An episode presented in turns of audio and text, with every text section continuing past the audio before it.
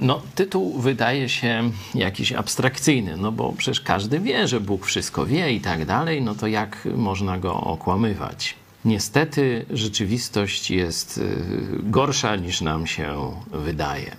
Jeśli nie widzisz w sobie e, jakiejś obłudy, albo twierdzisz, że nigdy Boga nie okłamywałeś, że zawsze jesteś taki akuratny, doskonały, prawdomówny, szczery, nie ma w tobie krzty obłudy, no to zaproszę cię do e, przyjrzenia się komuś innemu. Często złe cechy lepiej widać u innych niż u siebie. Oto Żydzi są karceni przez Boga.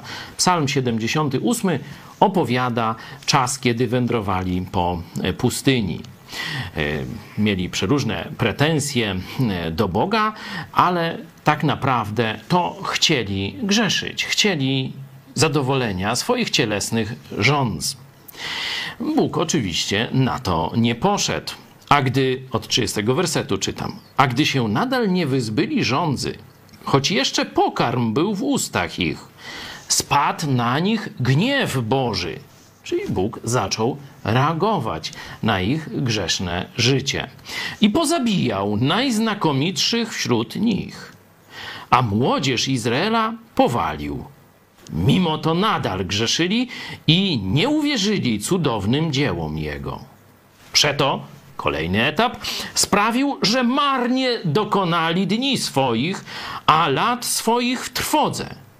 Gdy ich zabijał, o, jest zmiana, pomyślisz. No zobaczmy. Gdy ich zabijał, szukali go, nawracali się i skwapliwie garnęli do Boga, kiedy widzieli, że śmierć blisko.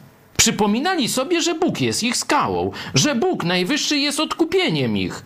Schlebiali mu ustami, a językiem okłamywali go, bo serce ich nie było szczere wobec niego i nie byli wierni jego przymierzu.